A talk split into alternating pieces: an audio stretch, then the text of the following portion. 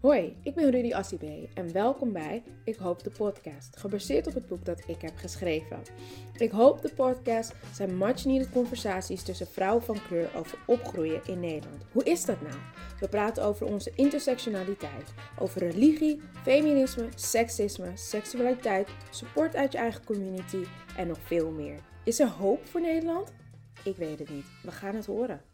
Oké, welkom ladies. Thank you. Thank you. Welkom bij Ik Hoop de Podcast. Zo cool. Eh, ja, serieus, ik heb een boek geschreven, guys. Je hebt een fucking boek Hoe geschreven. Ongelooflijk. Who would have thought? Nou, ik denk wel dat ik het wist. Ja, me. Ja, het is niet raar. Nee? Ik denk dat jij dat vooral hebt. Ik denk dat de mensen om jou heen wel weten van... ehm, Het is toch al best wel lang een droom geweest van jou. Het is wel een heel lange droom geweest, maar dat ik, ik dacht, ja, het gaat over draken waarschijnlijk. over draken. Ja, en, en Oh, heksen. je, je houdt van die shit, hè? Ja. Ja, houdt van die shit. ik dacht echt fantasy en dan echt random wanneer ik 60 ben of zo, dat ik het dan zou schrijven. Dacht wanneer je gewoon die oude witte vrouw bent. Ja. Dat ik, ik aspireerde dat op mijn 60ste, weet je wel? Ergens in het bos of zo. Ergens, en dat je daar gaat liggen en dat je dan opeens denkt van, huh, wat als Mhm. een heks nu, weet je wel, in dit bos zou dwalen. En dat- ja, dat dacht ik. Ik Ja. dacht echt dat ik dat zou gaan doen. Maar ja, nu zijn we op je wat dertigste. Out here. 30 jaar eerder. Ja.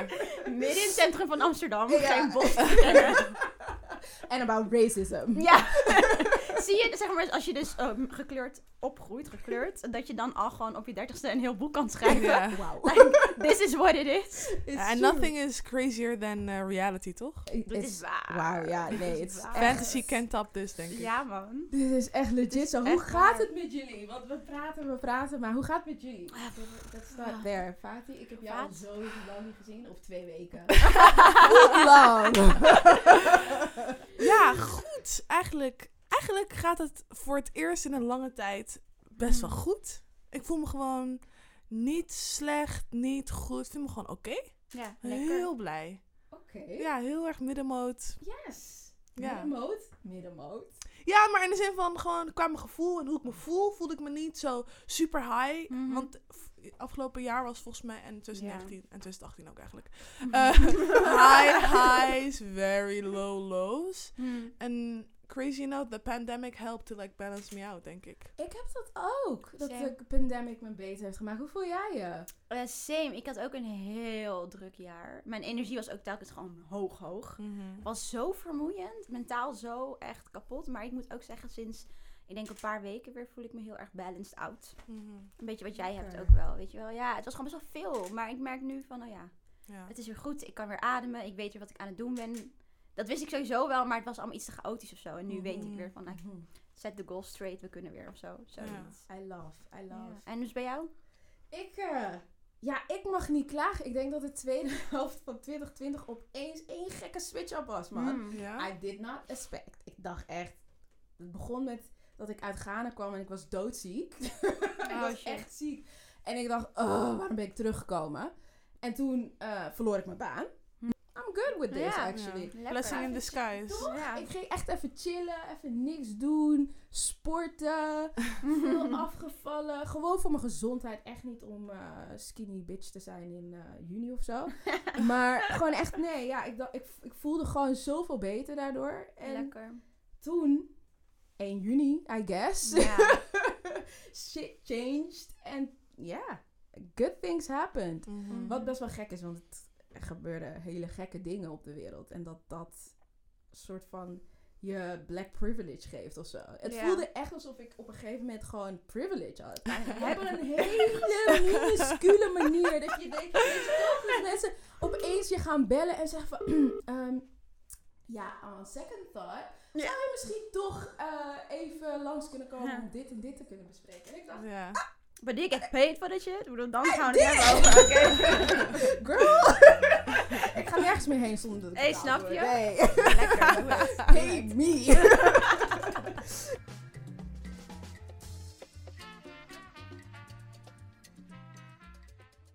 maar oké guys, ik heb jullie gevraagd om eh, een, een dagboek mee te nemen of een foto? Wie, wie van jullie heeft meegenomen? Wie durft? Ja, ik heb Wie dus hele dagboek mee. Ik ben van de week naar mijn moeder geweest. Oh. Ja, ik ben dus niet naar mijn moeder geweest, maar, gewoon, maar ik kan me wel een aantal dingen herinneren. Oh mijn god, dagboek. ik vind het zo grappig dat al onze dagboeken bij onze moeders liggen. Ja. Ja, hetzelfde. Toen ik zeg maar ging zoeken naar mijn dagboek, ik, was ik dacht dat ik hem kwijt was. Ik heb mijn hele huis overhoop gegooid. Ja. Dus ik bel mijn moeder en zeg, ma. ook. Ja. Dat lag bij mijn moeder, dat niet bij mij. Ik dacht, ma, waar is mijn dagboek? Zegt ze, meid, we hadden hem verstopt. Want je dacht, als je ooit iets ermee gaat doen, dan ligt hij hier. Nou, ik daarheen gezocht, Mhm, gezocht. Lag hij dus ergens in een doos, inderdaad, daar. Wat grappig. Oké. Maar Ja. nee. It's Ja. safe with mommy. Yes. Ja, 100%. En Ja. ik had hem, nou ja, ik had ook wel een soort van, ook daar bij mijn moeder, maar ik zoiets had van, oh ja, ik wil het niet meenemen naar mijn nieuw leven of zo, weet je wel, in Amsterdam. Mhm. Het was gewoon bij mijn moeder in Utrecht en is een closed chapter of zo. Ja. Eh, maar ja, toen eh, vroeg Rudy mij, to open the beast up Pandora Ja, box. ik vraag dit trouwens omdat in mijn boek, eh, wat heel heftig was om soms te schrijven, is dat ik quotes uit mijn dagboek erin heb gezet. En ik ga er ook zo meteen één voorlezen. Mhm. En het was super con- confronting, want ik wil met jullie erover hebben, over self-love. En ik, Mhm. ik, ik merkte heel erg dat ik dat aan het begin, zeg maar echt aan het begin van mijn leven, dat helemaal niet had. Nee. En dat dat echt pas rond mijn 25ste kwam of zo. Mhm. Dat, je- dat ik echt van mezelf ging houden. Ja. Dat is denk ik ook rond de tijd dat ik jou ontmoette. Ja. I guess. Ja. En, en, en ik denk ook. Ja, ik denk ook wel om die tijd. Ja, Ja, look at this. zeg vijf jaar geleden. ja, dan. ja, precies. En, ja. en ik dacht van, ik wil het met jullie daarover hebben. Over Ja. werk, over representatie en wat dat doet met je self-love. En we werken allemaal in de media. Ik ben Mhm. jullie ook allemaal daarin tegengekomen. Dus ik dacht, what better way to, be- Ja. to Ja. begin where it all started. In Ja. ja. boek. Ja, Super Heel goed idee. Ja, het is best wel ook, ook omdat ik eigenlijk dit boek niet echt open heb geslagen in een hele lange tijd. Mm. En net eh, toen we zeg maar net aankwamen hier bij de studio, toen deed ik hem open en toen dacht ik, ah, trauma, flying back.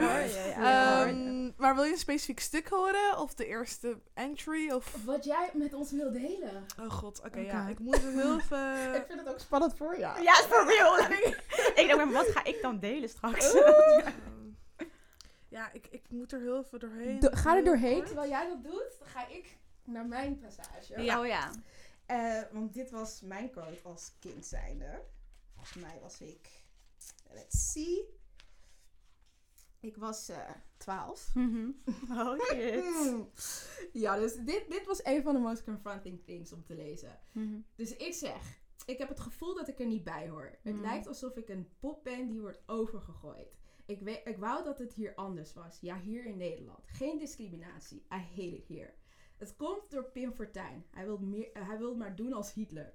Alle buitenlanders Oh, wow. moeten eruit. Er mogen geen buitenlanders in Nederland komen. Misschien heeft P, Mm. was een vriendin, wel gelijk. Misschien ben ik wel te lelijk om met iemand verkering te hebben. Wow. Dat gevoel heb ik wel. Als ik eraan denk, moet ik huilen. Sad, sad person. Zal ik dan nooit iemand krijgen? Was ik maar nooit. Puntje, puntje. Ja, nee, dat ga ik niet zeggen. Dit is mijn huidskleur. Oh. Je was 12. Woe! Oh, ik krijg helemaal kippenvel. Fronting. Ja. Ja. Ik, ik, eh, ik, toen ik dit zag, I cried. Like, dit, dit is echt begin dit jaar. Of, ja, Mm. mei. Want ik ben echt... eh, ik heb het in drie maanden geschreven. Zelfs als ik het nu lees, I'm like chills. Ja, like, zeker. Wow. Zo sad dat een 12-jarig meisje ook bewust is van Pim Fortuyn, by the way. Like, Snap je? dat- Like, je bent ja. 12. ik, was, ik, ik was shocked. Dat ik, dat ik dat teruglees, dacht ik, huh, wist ik wie Pim Fortuyn was? Maar ja, dit zegt ook zoveel over opgroeien in Nederland. En dat je als zwarte vrouw of vrouw van kleur al heel vroeg bewust bent van wat er gebeurt in de wereld. Omdat dat altijd te maken heeft met jou. Ja. Exact. En jij daar altijd nadeel van ondervindt, Ja, denk ik. ja. En dat jij dat op je twaalfde al moest opschrijven. Dat soort van, ik wil niet dat jij dat op je twaalfde al schreef, weet je? Ik wil dat niemand dit op een 12-jarige leeftijd Ja. moet schrijven. Ik, dat, dat ook dat mensen om me heen me ook het gevoel gaven dat ik lelijk was. En dat ik niemand Ja. kon krijgen. Dat ik eigenlijk bijna mijn kleur wilde denouncen. En dat ik Ja, op Ja. papier ook zeg, wacht, wacht, nee, nee, nee, dit ga ik niet opschrijven. Want Hmm. dat mag, ja. ja, kan ik niet, ja. kan gewoon niet. Het voelt zo echt als je het opschrijft. Precies. Ja. Herkennen jullie dit gevoel? Ja, ja, ik wel heel erg. Ja, 100%. Ja. ja, nee, ik wou, ik wou ook echt dat het niet zo was. En ik vind het ook wel jammer dat we dan hier zo alleen maar ja, ja, ja aan het knikken Mm. zijn. Ja, Omdat het is toch gewoon heftig? super, ja. super jam, ja, sad is. En eerlijk gezegd, voor een deel is dat ook gewoon niet veranderd. Mijn nichtje is de, zeg maar, de dochter van mijn zus. Die is nu ehm 13. En die ondervindt, ondervond ook soortgelijke, niet op de, op de manier waarop we het hebben gedaan, denk ik, als ik ook voor jullie mag spreken. Maar, ehm, maar die ondervond ook wel gewoon pesten op, op, eh, op huidskleur.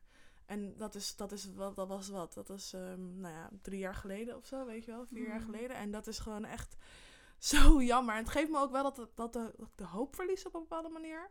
Als je niet in de strandstad woont, dan is het gewoon super tough out there. Ja. Ehm, als kind. Dus, eh, maar goed, ja, ik, ik deel dat gevoel ook wel heel erg. En het duurde, over zelfloop gesproken, het duurde zo lang. Oh, het is zo'n rit geweest. Ja? Ja, ik denk dat ik er nu pas vanochtend. Ik was, ik zat in een groeps, ik zit in een groepset met allemaal random mensen die super aardig zijn. Ehm, maar we ja, hadden het. eh, Ja. ze heten, ja, ze heten de eh, slimste drijders. Jullie zijn niet random, I love you guys. Ehm, maar we hadden het. We hadden het over lengte en, eh, vanochtend. En ik was eh, net aan het klaarmaken om hier naartoe te komen. En toen, dacht, toen schreef ik ook mijn lengte op, namelijk 1,82. En toen dacht ik, wow, het duurde zo lang voor mij om dat te accepteren. Dat ik en, Mm. en want ik kon ook niet verdwijnen. En- Want ik was super lang, eh, dik, zwart. Eh droeg ook een, zeg maar, een, een, draag ook een hoofddoek. En al die dingen maakten dat ik gewoon niet kon verdwijnen eh, in de shadows op de basisschool en op de middelbare school. Ja. Dingen die ik echt, echt haatte van mezelf. En ehm, nu pas, letterlijk, ik denk twee jaar of zo, dat ik dat echt kan waarderen zelfs. Niet eens accepteren, maar gewoon echt waarderen. En eerst was het zo van tolereren van ik kan er niks aan doen. Zo, ik Ja. moet het maar gewoon oké vinden of zo. Ehm, maar nu pas, laatst ging ik ehm, voor het eerst een hele lange tijd, deze zomer eigenlijk voor het eerst een hele lange tijd hakken kopen. Dat doe ik dus nooit, omdat ik nice. al, weet ik veel, uh, Usain 2 meter ben. Maar nu dacht ik, nee man, if I'm going to exist, I'm gonna be loud. L-O-U-D. Snap je? That's echt exactly loud, what's up, ja. Lekker. love, I love. Hoe zat het bij jou? Nou, bij mij is het allemaal wat later gekomen, omdat ik ben heel erg opgegroeid in eh, wijken en scholen die heel gemengd waren. Dus ik heb nooit echt ehm, het gevoel gehad dat ik vanwege mijn huidskleur werd benadeeld. Ja, Dat is maar jij woonde in de Bijlmer ook, toch? Nee, ik woon daar nu, ik denk bijna tien jaar. Ik ben Oh ja. opgegroeid in Den Haag. In Den Haag. Ehm, Hoe was dat? Lit. nee, ja, ik groeide op in de Schilderswijk. Ehm, Hey. Shout-out. Shout-out. ja, man. Shout-out naar jou. En eh, op Oranjeplein, om precies te zijn. En eh, ik was wel, ik moet wel zeggen, ik was een van de meiden die veel buiten was. Dat was sowieso niet heel veel daar, dat meisjes veel buiten waren.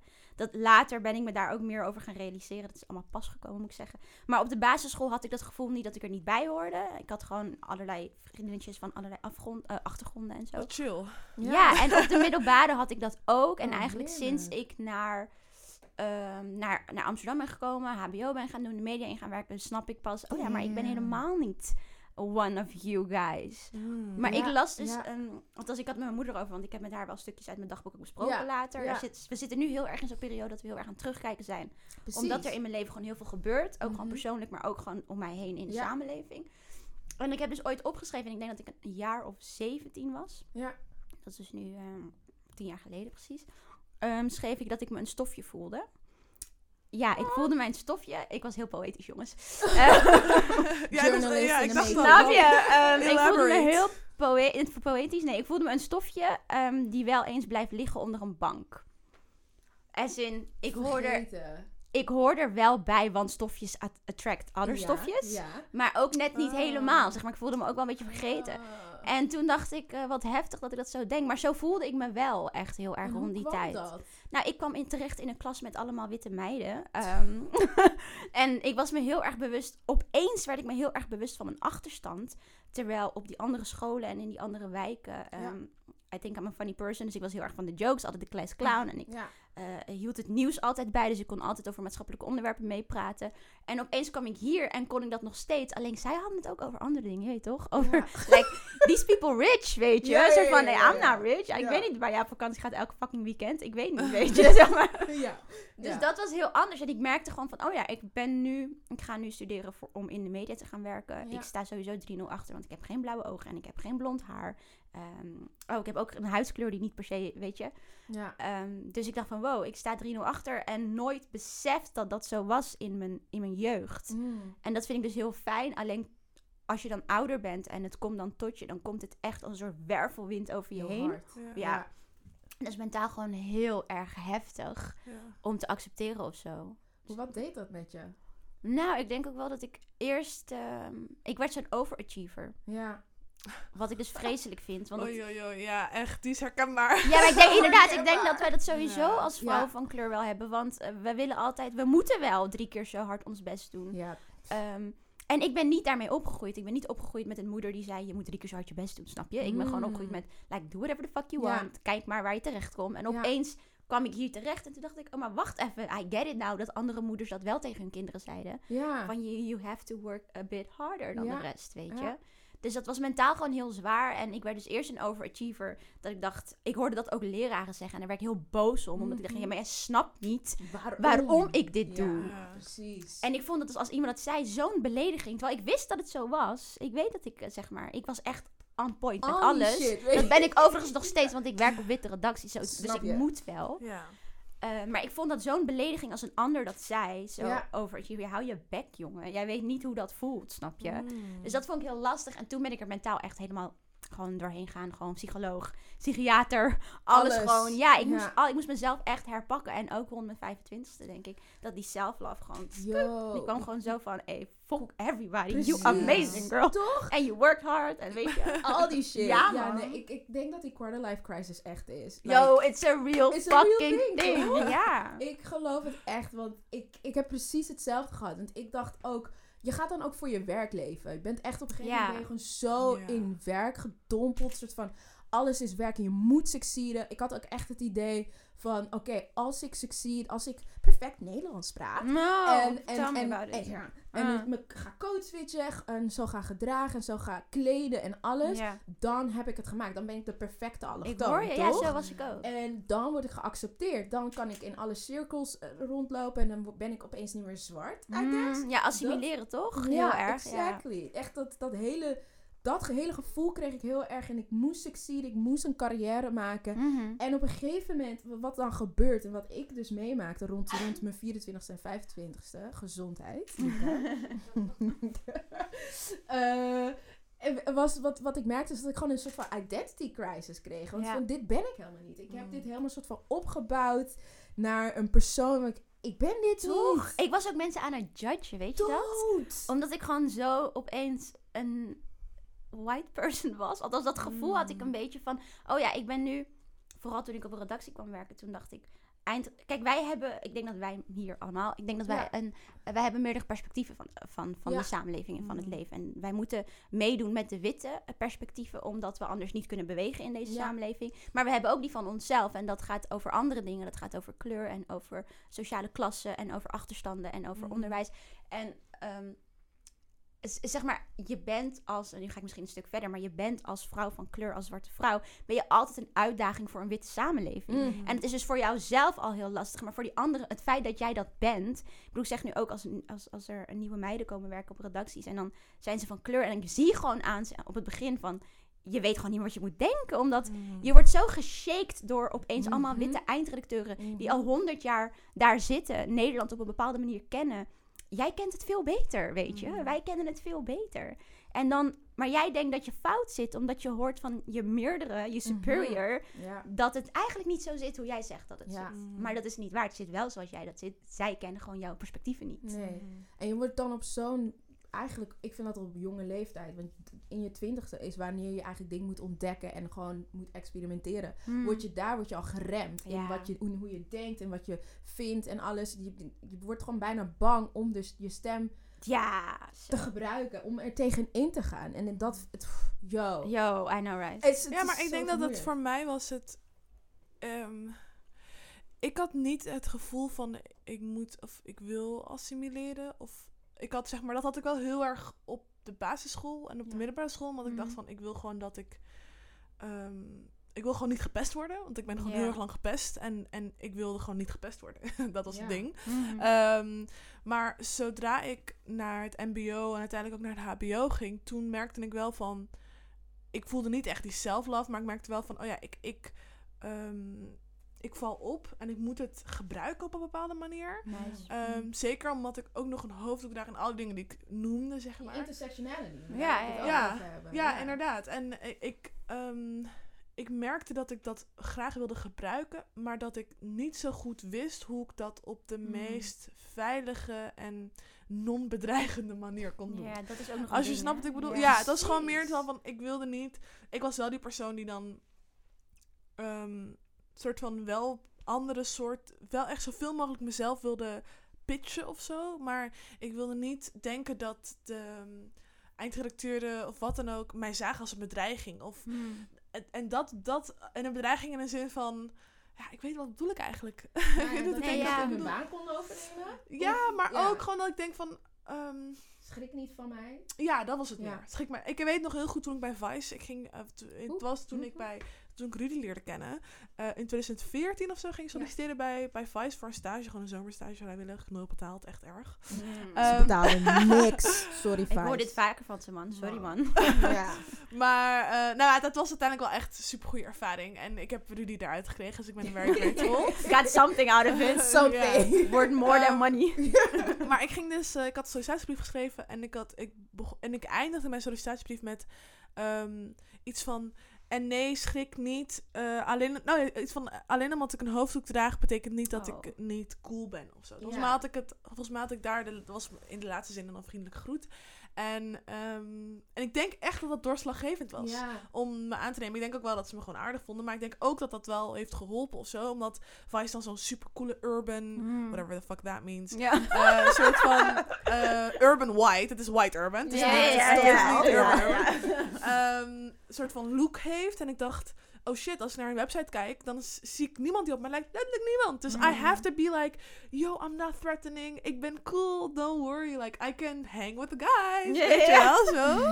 Eh, en dat werkte. En ik merkte, ik, ik, ja, ik weet dat, ik denk dat dat wel ergens door mijn, mijn leven of zo, ehm, dat gevoel alleen maar is gaan versterken. Maar ook omdat ik dus mensen zoals Rudy en mensen zoals Charissa, die ik in het eerste jaar van school van journalistiek heb ontmoet. Ja. Eh, uiteindelijk ben jij toen weggegaan, maar we hebben elkaar nog wel geconnect, gelukkig. Echt, hè? Eh, Ja. Maar ook door heel veel eh, andere mensen die ik heb leren kennen, die mij echt wel, weet je wel, konden reaffirmen. En over dat hele idee van overachieving, mijn moeder was wel diegene die was van, je doet huiswerk en dan huiswerk plus plus, weet je wel? Een soort van, you have to fucking do it. En je moet it, echt gewoon gaan. En ook met werk en zo, zo van, there's no time for slacking. Mm. Je moet 24 hours gewoon, oké, dat is wel heel heftig, maar Nee, ja, Maar het was wel- voelt wel Het zo, eerlijk. zo. ja, het was wel, ja, het was zo. zeg maar dat. En heel erg van, ook, mijn moeder was ook, en uiteindelijk denk ik wel dat het niet heel, misschien niet heel goed was of zo, maar zelfs ook echt zo van, niet te hard lachen, eh, niet, te, niet te veel opvallen, Oh. niet te veel dat, omdat ze dacht van, oh, maar dan wordt ze eruit gepikt of zo. Dat is wat ik Mm. denk, ik moet eigenlijk naar vragen. Maar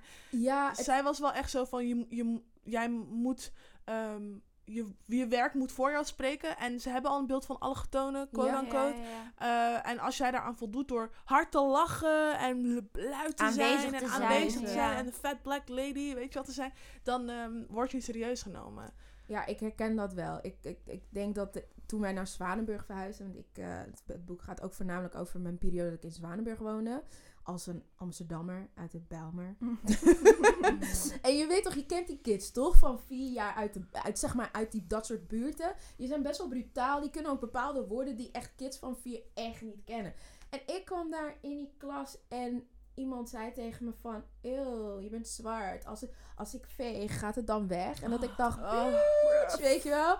Wat zeg jij? Ja. En, en daar begon het al mee, weet je. En dus hoe ouder ik werd, hoe vaak ik dat tegen mijn moeder zei van... Ja, maar ik ken dit niet. Ik vind dit raar. Waarom zeggen mensen dit tegen me? Ze van... Ja, laat ze, laat ze, Ja. laat ze. Focus op je, weet je, focus op je huiswerk. Doe gewoon je best. Dan houdt dat op, weet Ja. je wel. Heel erg dat. Dus ik kreeg ook een beetje het gevoel dat ik mezelf, mijn persoonlijkheid moest verbergen op een gegeven moment. ja. Toch? Dat je een soort van kleiner moest maken. En, en, en, en dat dus eigenlijk je acties meer zeiden dan je persoonlijkheid. Dus ik, ik heb heel erg het idee gehad dat mijn persoonlijkheid op een gegeven moment verdween. Dus dat Mhm. ik ook echt niet meer wist wie ik, Ja. ik Ja. echt was. Dus zeg maar dat brutale meid die echt inderdaad jokes en de nerd was. Want ik vertelde vroeger echt nooit dat ik een nerd was. Dat ik anime keek, dat ik game, gamede. Gewoon, ik zei dat Ja. niet. En dat, dat- ik had het gevoel dat ik dat heel erg moest verbergen. Want aan de andere kant, dat is niet black enough. Ja. Dat, er, dat wordt dan gezegd. En dan, weet je, ik wilde inderdaad ook niet nog meer gepest worden door mijn white, de white, eh, eh, hoe heet het, Ja. klasgenootjes.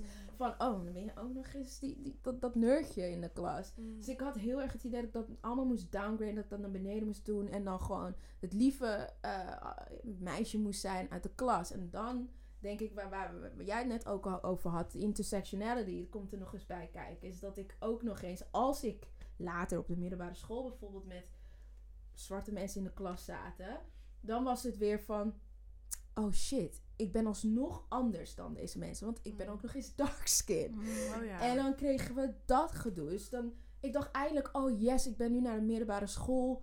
Hier zijn meerdere mensen van kleur, Aziatische mensen, Latina's. Ik voelde me helemaal lid. Ik dacht echt, ik zit hier, yes, finally. En dan werd het een soort van, dan- dat beeld, het schoonheidsideaal, dat was ik dan niet. Ja. Iedereen had vriendjes en vriendinnetjes en al dat ertussenin. En ik had echt het idee dat niemand naar me keek. Ik dacht echt, damn, oké. Mhm. Want dan was ik de enige dark Ja. black girl in the room. Ja. Yo! Ja, Same, same, no different. Ja.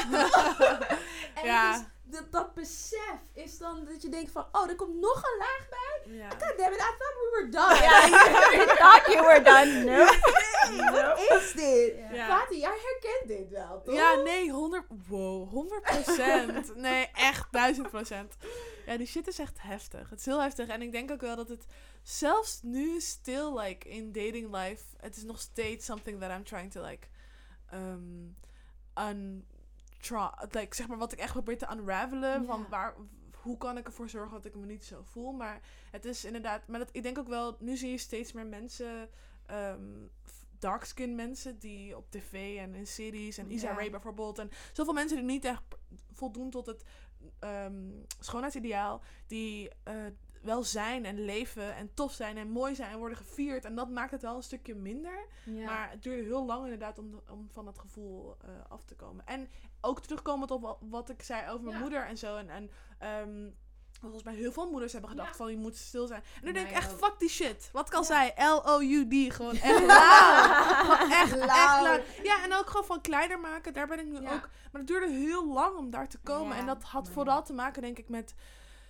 ehm, ook echt met wie je om je heen hebt. Ja. Dus als ik zou blijven rondom die, nou ja, de witte mensen die ik in Utrecht had ontmoet, Mhm. dan zouden, en ik zou zeg maar soort van begging for their acceptance, Ja. dan zou ik hier nooit zijn. Maar ik heb uiteindelijk ook door Rudy eh, me kunnen verzamelen, heel veel zwarte mensen en mensen van kleur en ook andere soort, eh, ook islamitische mensen, moslims, Ja. kunnen, Mm. om me heen kunnen verzamelen die me echt wel mijn wereldbeeld hebben vergroot. Want ook mijn wereldbeeld was super klein. I had a lot of fucking internalized racism. I had a lot of Mm. internalized uh, fatphobia. I had a lot of internalized uh, uh, islamofobia. Weet je, ik had heel, mijn eigen wereld was zo klein gevormd door wat ik om me heen zag. En het enige wat ik nodig had was iemand die de deur zo pap intrapte. Eh, voor mij, Ja. zodat ik daar doorheen kon gaan. En dat ik kon zien van, oh, maar wat zij tegen mij zeggen, wat echt is, of wat de wereld is, of hoe de wereld zou moeten zijn, en wat ik zou moeten zijn, is niet zo. Mm. Of hoeft niet zo te zijn. En dat besef, wow, dat is echt, dat is life-changing. Ja. Ik zweer echt, als ik dat niet had, dan was ik er vandaag gewoon niet. Dat is hoe heftig Ja? het was. Ja, echt. Waarom, waar- waarom deed je dat? Ik ben er gewoon benieuwd naar. Nou, omdat ik denk gewoon, omdat ik als ik als ik zou blijven in dat gevoel van dat ik niet goed genoeg ben, Ja. wat ik ook maar Mm. doe, ook al Mm. ren ik honderdduizend kilometers voor een ander, omdat zij vinden dat ik zo zou moeten zijn of zo zou Mhm. moeten leven. Of Ja. eh, zelfs stel je voor, ik zou mijn hoofddoek afdoen of ik zou mijn- skin bleken of wat dan ook, weet je wel, al Ja. die dingen, dan zou ik alsnog niet genoeg zijn. Ja. Ehm, en ook niet voor mezelf.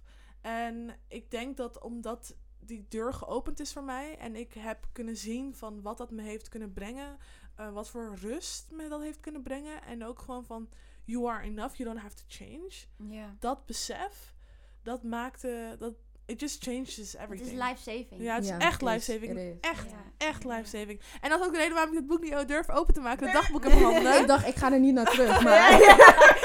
Jezelf nou. So, so, tell us. Ja, ik heb hier iets uit 2006. Ja. Ehm, Oké. You can do this. We're here Nee, ik zit ook, ik zit ook op mijn project te lezen, kijken wat er staat. Eh, oh ja, dit is een. Oké, ehm 2006.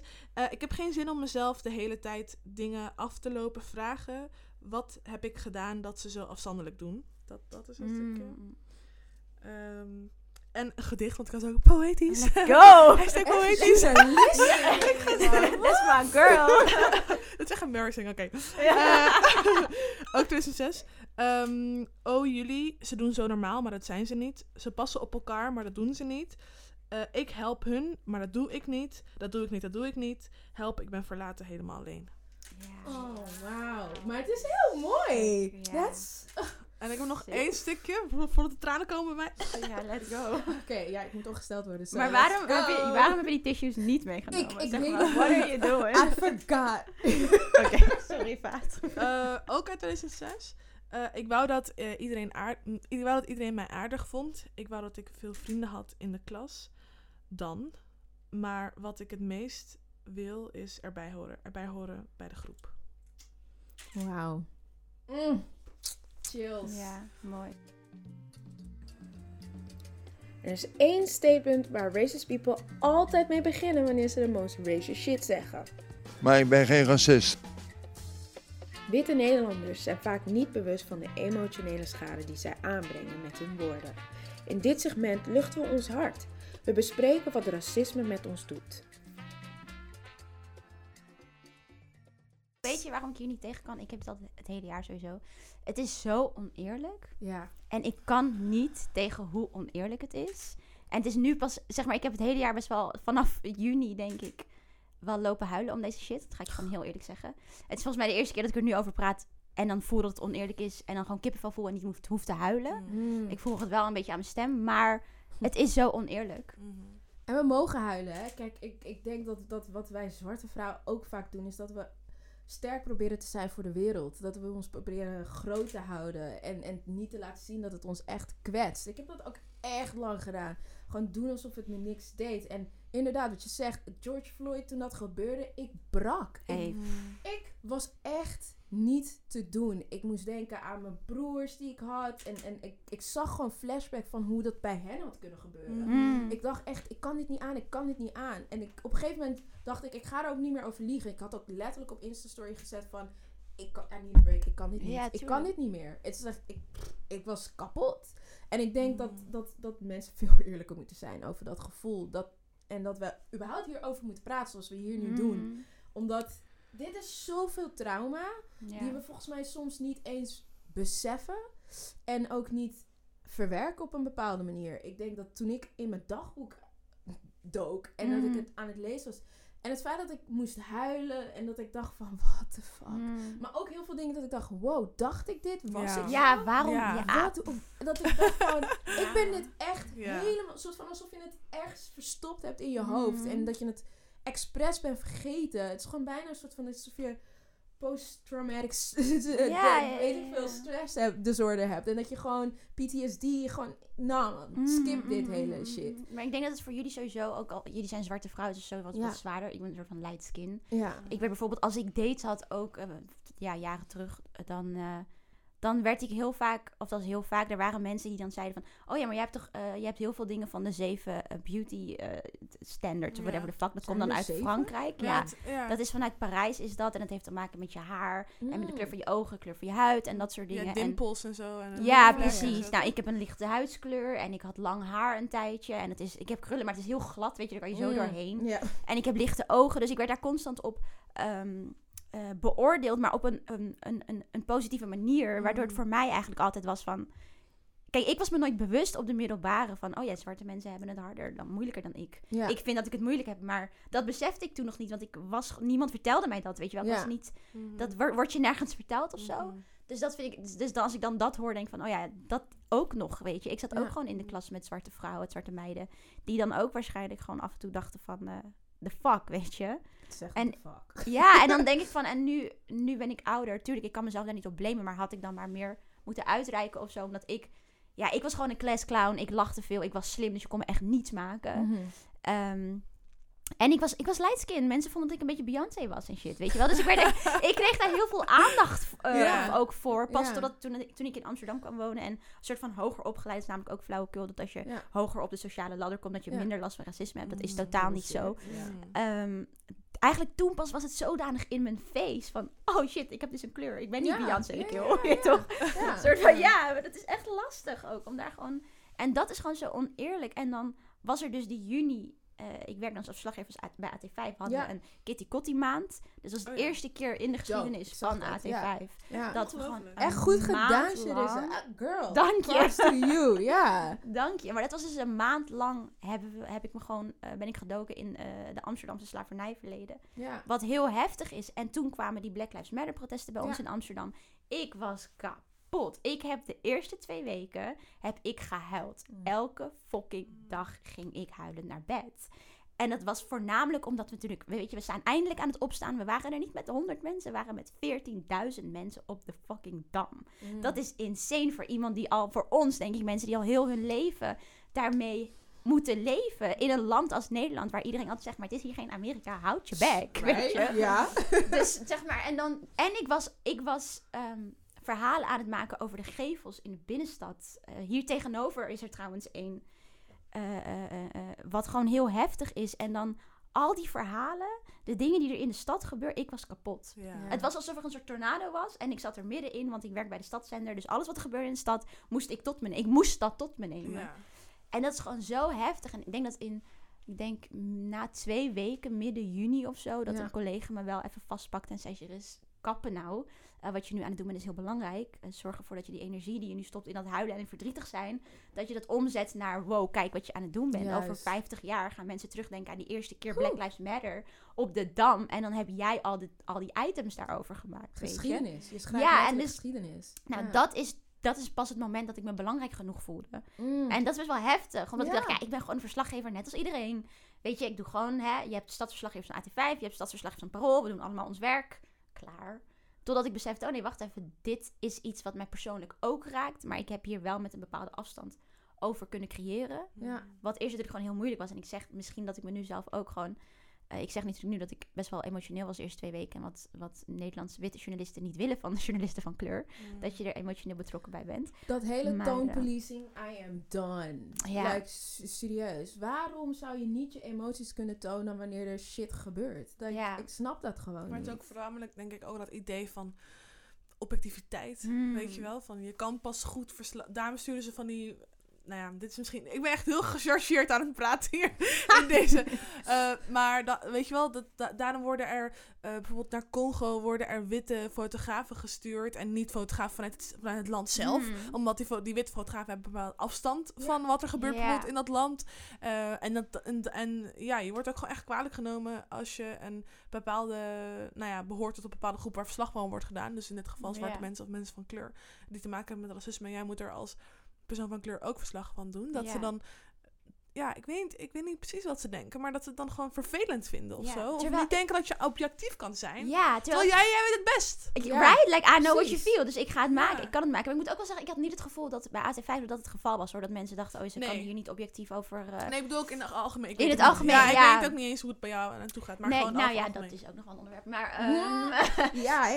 ehm, ik, ik, ik had ook een moeilijke redactievergadering. eh, en waarom was het tijd. moeilijk? Er werd onder andere, nou, het was vooral moeilijk voor een andere collega van mij. Dat is een zwarte jongen. Mhm. Eh, en ik wil er niet te veel over zeggen, want het is zijn verhaal, niet mijn verhaal. Maar er werd in ieder geval in de redactievergadering werd er gezegd: het is hier Amerika niet. Mm. Ehm, en hij trok dat niet, want ja, het is, niet- is, is geen Amerika, maar het gebeurt wel, Het weet gebeurt je. Er wel, zijn dingen die ja. hier, zwarte jongens maken dingen mee hier in Nederland. eh, door, eh, de- de- worden gewoon, ja, door de politie, zeg maar de frontlinie van de overheid, worden zij op een bepaalde manier beoordeeld, benadeeld. Ehm, en vaak gewoon aan de kant gezet voor no reason at all, weet je. En hij moet dan in zo'n redactievergadering staan en horen dat mensen, Amsterdammers overigens, ehm, zeggen dat het hier geen Amerika is. Dus hij heeft, hij heeft een lastige dag gehad. Diezelfde dag had ik een afspraak met mijn adjunct hoofdredacteur om te vertellen wat ik heb meegemaakt op de redactie. Want ik vond van, ik kan niet daar staan op de Dam verslag doen over iets wat mij persoonlijk ook heel erg raakt. Maar op mijn redactie niet vertellen wat hier eigenlijk gaande is. Yes. Ja. En dat vond ik heel lastig. Dus ik had met haar ook een afspraak. Nou ja, ik, I just, alles kwam eruit van die drie jaar dat ik daar werk. En alle microagressies. En alle keren dat ik naar de eh, wc toe ben gerend om heel even adem te halen. En terug te komen en weer door te gaan. Zeg maar, dat vertelde ik haar allemaal. En toen kwam ik er gewoon achter dat een Sagit Carter bijvoorbeeld van... Mhm. van eh, 3 voor 12. Nou ja, we hadden het allemaal moeilijk, weet je. Angelique Houtveen, oh, die hebben dat ook gewoon op hun Instagram allemaal gezet. Van, we hebben het gewoon heel moeilijk op dit moment in de Mhm. media. Omdat we doen hier allemaal verslag van. We moeten het hier allemaal over hebben. En ik denk als nieuwsverslaggever dat ik helemaal dacht van... Oké, shit, weet je. Ik ga nu dat meisje zijn die in dat hoekje wordt gestopt. Van ik ben een allochtoon, eh, aanhalingstekens. En ik ga het nu over allochtone onderwerpen hebben. En dat voelt nog steeds zo, ondanks dat ik ook weet dat niet heel... Ja, ik weet niet. Ik mag het niet zeggen voor heel veel mensen, maar ik geloof niet dat heel veel mensen dat nog denken. Ja. Ja. Ehm, maar dat gevoel hou je er toch in, want het is gewoon internalized. Je weet gewoon van, ik wil niet in dat hoekje. Mensen gaan mij in dat hoekje gooien. Ja. Daar wil ik niet zijn, Ja. weet je. Ja. Terwijl, ja, het is ook gewoon zo'n belangrijk onderwerp. En ik ga dat niet... Kijk, nu ben ik zoiets van, ik ga dat niet niet doen, omdat Nee. ik dat ben. Ja. En je Maar- wilt het ook niet, zeg maar, ja, het liefst wil je gewoon, ik, ik, dat staat op de achterkant van mijn boek, staat dat ik, het liefst praat ik over Game of Thrones. Snap je?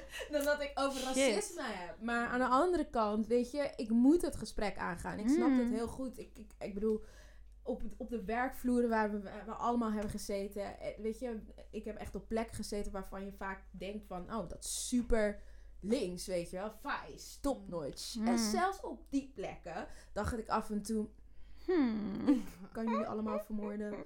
Echt, ik zweer het jullie. Echt. Het was, het was soms niet te doen. Echt microaggression on microaggression. Yo. En, en, en zelfs gewoon bij mijn laatste job. Ik Mhm. zat daar en op een gegeven moment... het is belachelijk, maar deze mensen konden niet het verschil zien tussen mij en een vriendin. Ik werk daar, jongens. Ik werk hier. En hoe kan je gewoon echt... Ze zat daar op een gegeven moment en iemand had een heel verhaal tegen haar. En dus op een gegeven moment komt ze naar mij toe. Volgens mij dacht iemand dat ik jou was. Ze vertelde een heel verhaal over werk en dit en dat. En deed echt alsof, of, alsof jij ik was. En ik zat daar en ik denk, ik heb hele lunchgesprekken met deze persoon. Ik werk met diegene al meer dan een half jaar. En jij gooit me Nooit. in één hoek. Fuck daar met jullie. Ik heb het ook een keer meegemaakt. Het is niet Ik heb het ook een keer meegemaakt, ja. En het is zeg maar, kijk, het, het- en weet je, ik hoor mensen al zeggen van, ja, maar dat kan gebeuren. Nee, het kan niet gebeuren. Want ik doe Nee, het het ook kan niet. niet gebeuren. Het kan niet. Exactly. Het kan Shit. gewoon niet. Je kan iemands naam vergeten. Je kan even een soort van, oh, oh, weet je. Maar je hebt een heel... Het is niet dat ze twee seconden dat gesprek met diegene had en besefte van, Oh shit. oh, wacht. Oh nee, dat ben jij niet. Ja. Nee, ze had tien minuten lang. Maar ik, ik heb zo vaak, ik heb dus dit zoveel gehoord. Dat ook gewoon meiden op redacties met een hoofddoek. Eén één meid woont werkt op econ- economie, andere werkt bij, bij eh, Binnenland of zo. En dan worden die meiden gewoon de hele tijd door elkaar worden gehaald. Ja, Maar ik heb het ook een keer gehad dat ik op de werkvloer stond en dat ehm, iemand die naar me toe kwam die zei: hey, trouwens, ik heb de data van dit en dit en dit nodig. En la la la la. Die en die zei dat het naar jou toe kon komen en kan je het fixen? En ik echt zo. Wie? Sorry, wrong person, I guess. You need the other black girl on the. That's not me. Oh. Zo awkward, maar Dat- echt. Ja. Shout-out naar jou, man, Sharissa. Shout out. Shout-out naar jou. Ja, omdat je gewoon zo wel. goed weet. Alles wat je net vertelde. Ik kon even net niet reageren, maar wat je over, over wat je nu allemaal aan het doen bent. En ja, hoe het voor je was ook in Amsterdam. Je hebt echt die representatie echt, ehm, Het helpt. echt Het- gebracht. Ik Het denk is, dat ja. echt veel meiden van 13 naar jou hebben gekeken op tv en wel echt dachten van, oh, het kan. Oh my god, je gaat me echt laten huilen. Ja, maar nee, nee. Dat, that's what we missed toen, toch? Ja, ik bedoel, ja. Ik, ik, toen ik naar tv keek, zag ik het niet. Nou ja, je had natuurlijk Meluska Meulens eh, van Jeugdjournaal. Die eh, was voor voor mij ook wel echt een voorbeeld. En daardoor wilde ik journalistiek gaan doen. Weet je Ja. dat? Juist. Ja, Oké. echt. Omdat ik dus zo naar haar keek en ik dacht echt van... Wow, she looks like me. En ze is zo cool. Ja. En Sylvana, ook eerlijk is eerlijk. True, Sylvana ook. Shout out naar Savannah, cause she been struggling Hey. in these streets. En ze, ze, ze vecht het, ze doet het wel voor ons. Ze vecht echt voor Yo, ons. maar And dat I is het ding wat I mensen dus vaak niet beseffen is dat ehm, dat wat wij doen, ik denk dat wij allemaal een pro- Ja. proberen een verandering te brengen. Sylvana ook. Iedereen op zijn eigen manier. Is dat we doen het allemaal niet voor onszelf. Hè? En dat, dat vergeten mensen heel vaak. Van we doen dit voor de broader eh, picture. eh. Voor heel Nederland zijn we het aan het doen. Zodat we samen gewoon hand in hand naast elkaar dingen kunnen doen. Ja. En dat vind ik gewoon zo, zo lastig. Dus wat je nu ook zegt van eh, die, die kids kijken naar jou. Ik heb inderdaad heel veel berichten gehad van mensen van school voor journalistiek die nu in de eerste zitten en dan mijn bericht sturen van. Dat vind ik zo lijp. Ik heb straks ook met een paar meiden afgesproken die dan, met wie ik dan gewoon daarover ga praten en zo. En zijn dan jonger. En dan denk ik van, ik, ik wilde zo graag dat ik mezelf had vroeger. Oh, Ja. ik ook. En, Ik ook. en ik zeg, en ik weet, we hebben het over self-love, dus ik mag dit nu gewoon hier zeggen. Maar ik ben op dit moment de persoon die ik wilde zijn. Eh, die ik altijd al wilde zijn, maar ook de persoon die ik nodig had toen ik net begon. Mm. Wilde ik dat iemand af en toe mijn handje vasthield en zei: Mm. Fuck dat wat je eindredacteur heeft gedaan, moet je niet pikken, ga dat opnieuw doen. Yes. Want hoe dealen jullie er daar nu mee? Zijn jullie vocaal? Zijn, spreken jullie het nu uit? Denken jullie nu, fuck this shit? Yo, you're saying something racist. En dat je het gewoon zegt? Weet je wat het is? It, it cuts me every time off guard. Shit, Every time. Dus dan denk ik, volgende keer als iemand dit zegt, I'm a fuck Ja. en dan gebeurt het. Ja. En dan blijf ik, the fuck you say? Like, in mijn hoofd gebeurt er dat zoveel. En dan Ja. kan ik het gewoon niet. Omdat Nee. ik, ik, ik heb Deer in echt... headlights gewoon. Yo, Je ik- bent gewoon oh. gechoqueerd, hè? Ja, ik, ik heb deel precies ook wat Shalissa zegt. Dat ik ook denk van... Dat ik dan eh, twee weken lang ga na-analyseren wat die ene keer is gebeurd. En dan met vrienden en zo. E etentjes helemaal van... Ja, hij zei dit en dit en dit. en dit, en dit. Je gaat er En- zo mee naar huis. Ja, altijd. echt. Echt. Ja, je en neemt het mee. ik probeer het wel, maar het ligt er ook echt aan van pick and choose your battles. Dat Ja. ten eerste, want als ik op elke microagressie of elke soort van heftig bericht of iemand die mijn grens overgaat als een soort van eindredacteur, als ik daarop zou reageren, dan had ik nu geen baan. Straight up. Yo, dat, same. dat, dat had is ik nu gewoon echt, niks. Same. Dat is wel echt wat gebeurt. Ik denk Maar dat... ja. wat voor mij, wat ik wel heb geleerd, is dat ik dingen die echt, echt heel erg mijn grens overgaan, of Ja. die gewoon blatantly racist zijn, hoewel ik dat niet echt, echt heb ervaren, Als ik Mm. heel eerlijk ben, is allemaal een beetje onder de, onder Ja, de gordel. Onder de gordel? Ja, Onder de ja. riem? Onder de, Ja. ja. Hey, wow.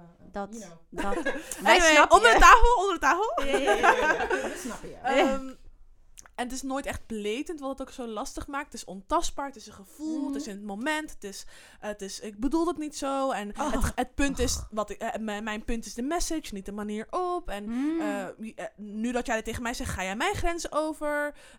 Dat soort dingen, dat maakt, het- dat maakt het heel lastig. Maar ik heb nu wel geleerd, denk ik, beter hoe ik het moet aanpakken. Ja. Dus ehm, dat ik eh, niet op de emotie gooi. Dat ik liever twee dagen wacht en dan gelijk reageer. Dat ik het eerst even opschrijf. Dat ik eerst een mailtje stuur. Dat ik ervoor zorg dat, dat I cut the other person off guard. Mm. Door te vragen oh, wat of. Weet je wel, dus dan dat, dat, Goed dat, ik, Mhm. als diegene mij bijvoorbeeld een raar appje stuurt of een raar belletje of dat zij voor zo'n situatie of diegene zegt iets tegen mij wat gewoon niet kan, dat ik ook I go above their head. In Mhm. plaats van dat ik, jij bent mijn collega, jij zegt iets heel heftigs zoals, oh je komt toch uit Overvecht, oh dan moet je wel eh, al deze criminele onderwerpen kennen. Dat is gebeurd. Eh, dat ik dan denk van, oh ja, de volgende keer ga ik dan niet de discussie met jou aan. Nee, ik ga gewoon naar je eindredacteur. Ja. Sorry, maar wat die en die zegt, Ja. past echt niet binnen mijn normen en waardepunten. Denk- Hey! Gooi ADN op was niet binnen mijn grenzen, want ik kom uit Overvecht en zo doen wij dat niet hier. Ja. Sorry, mevrouw, zelf- ehm, ja. Nou, wat ik zojuist heb meegemaakt met de redactie is echt, echt Put ongelooflijk. your white voice on. Nou ja, dus, dus dat. I love it, I love it. Maar Hey, ik- en, ja. en- ja, ik, I mean, ik denk dat, dat werkvloerdingen inderdaad zo tricky is, want je balanceert op een soort van, ik wil mijn baan niet verliezen, maar ik wil er Mm. ook iets van zeggen. Ik merk dat ik na tien jaar, want ik zit echt al tien jaar in dit vak, en ik Mm. I'm tired, ik ben klaar. Ik merkte echt zeker bij mijn laatste baan dat ik echt op een gegeven moment. Shout-out naar Cherise. Want die zei op een gegeven moment. Die ging me gewoon onder de tafel schoppen. Omdat ik gewoon churies gaf. Ik rolde mijn Oh. ogen. Je was ik klaar, was, hè? Ik was klaar. Ik was echt klaar. En dan als iemand dan zei urban, dan zei ik... Oh ja, want black music kunnen we niet zeggen. Dat is te heftig, hè? Ja. Gewoon echt dat. En, en dat zei echt zo... Daar zat van... oh. Ja. En het, en het ding is, is dat ik wel nu, ik denk dat ik het nu kan maken. Mm. Omdat ik inderdaad al tien jaar werk. Mm, En ze me letterlijk om advies vragen. Dus ik kan nu tegen iemand zeggen, en dat heb ik ook gedaan daar, van, yo, dit, is, dit helpt niet, dit is racist.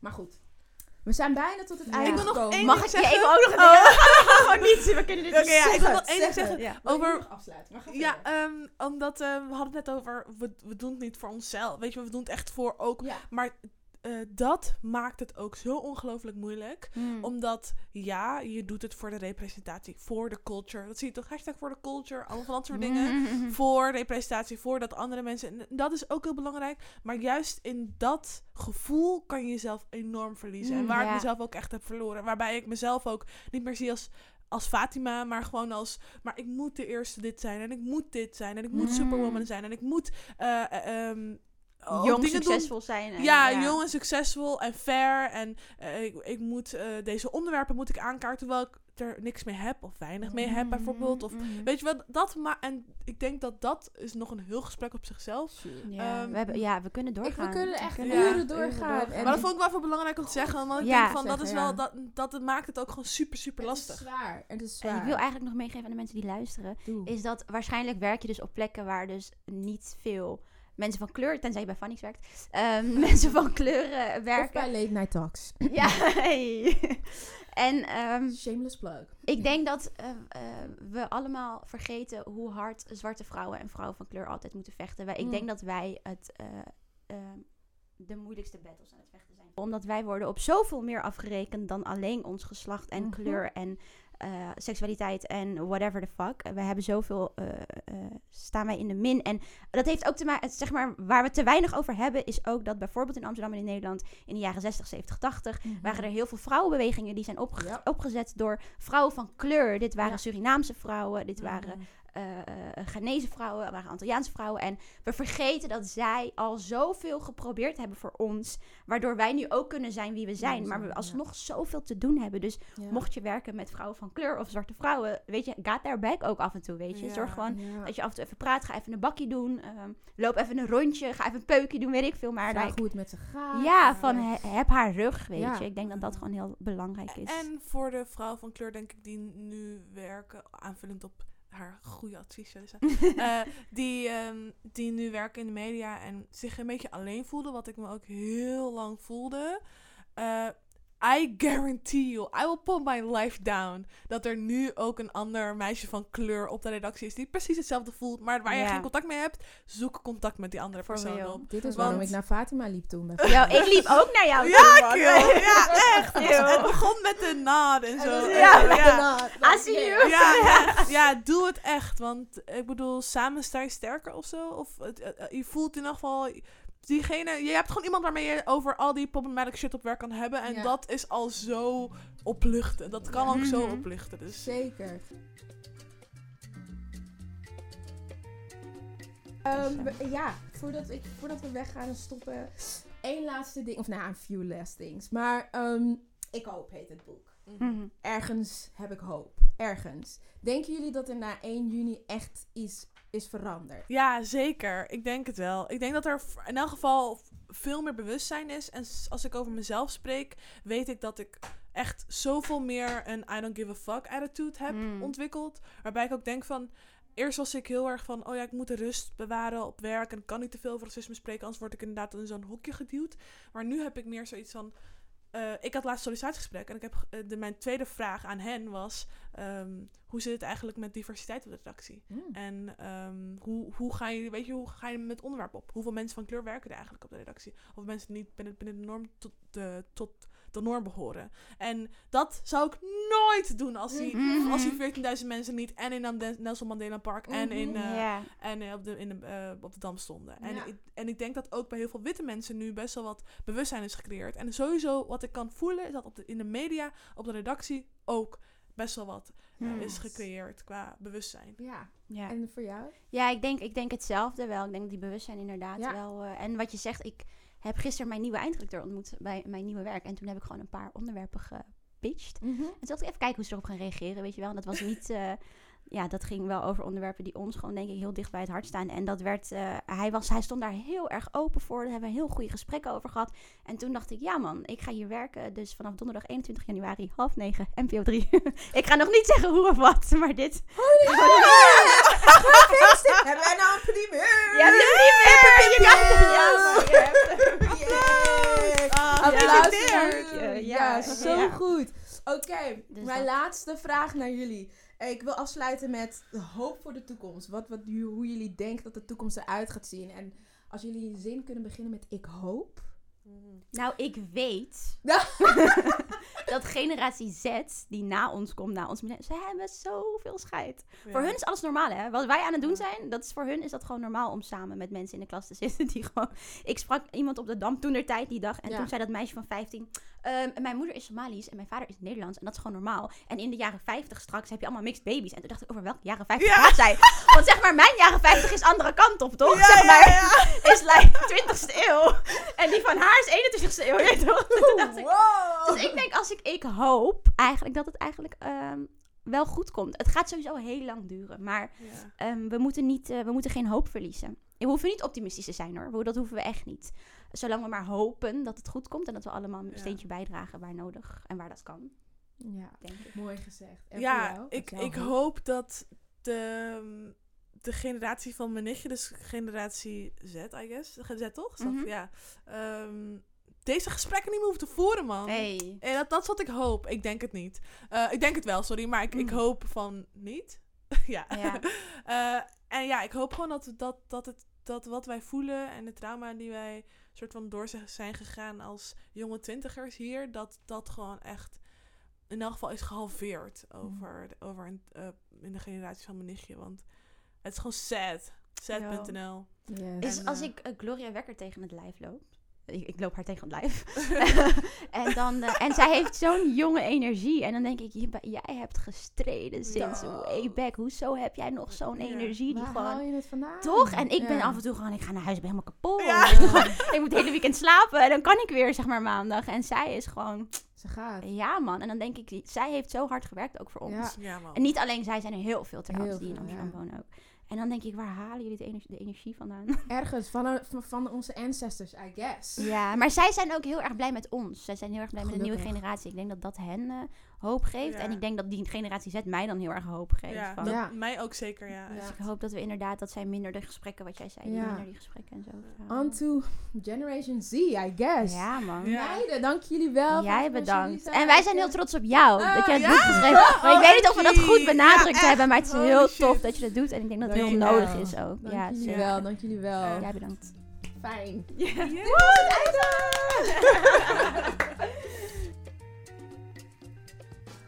Deze podcast is geproduceerd door Luca van der Bos en is een Alcablon production. Luister ook naar onze andere podcasts zoals War Against Racism en je favoriete talkshow Late Night Talks met je host Fatima Wersame. Wil je meer weten over Alcablon en Late Night Talks? Follow us on Instagram at Alcablon Project en at latenighttalks.ams.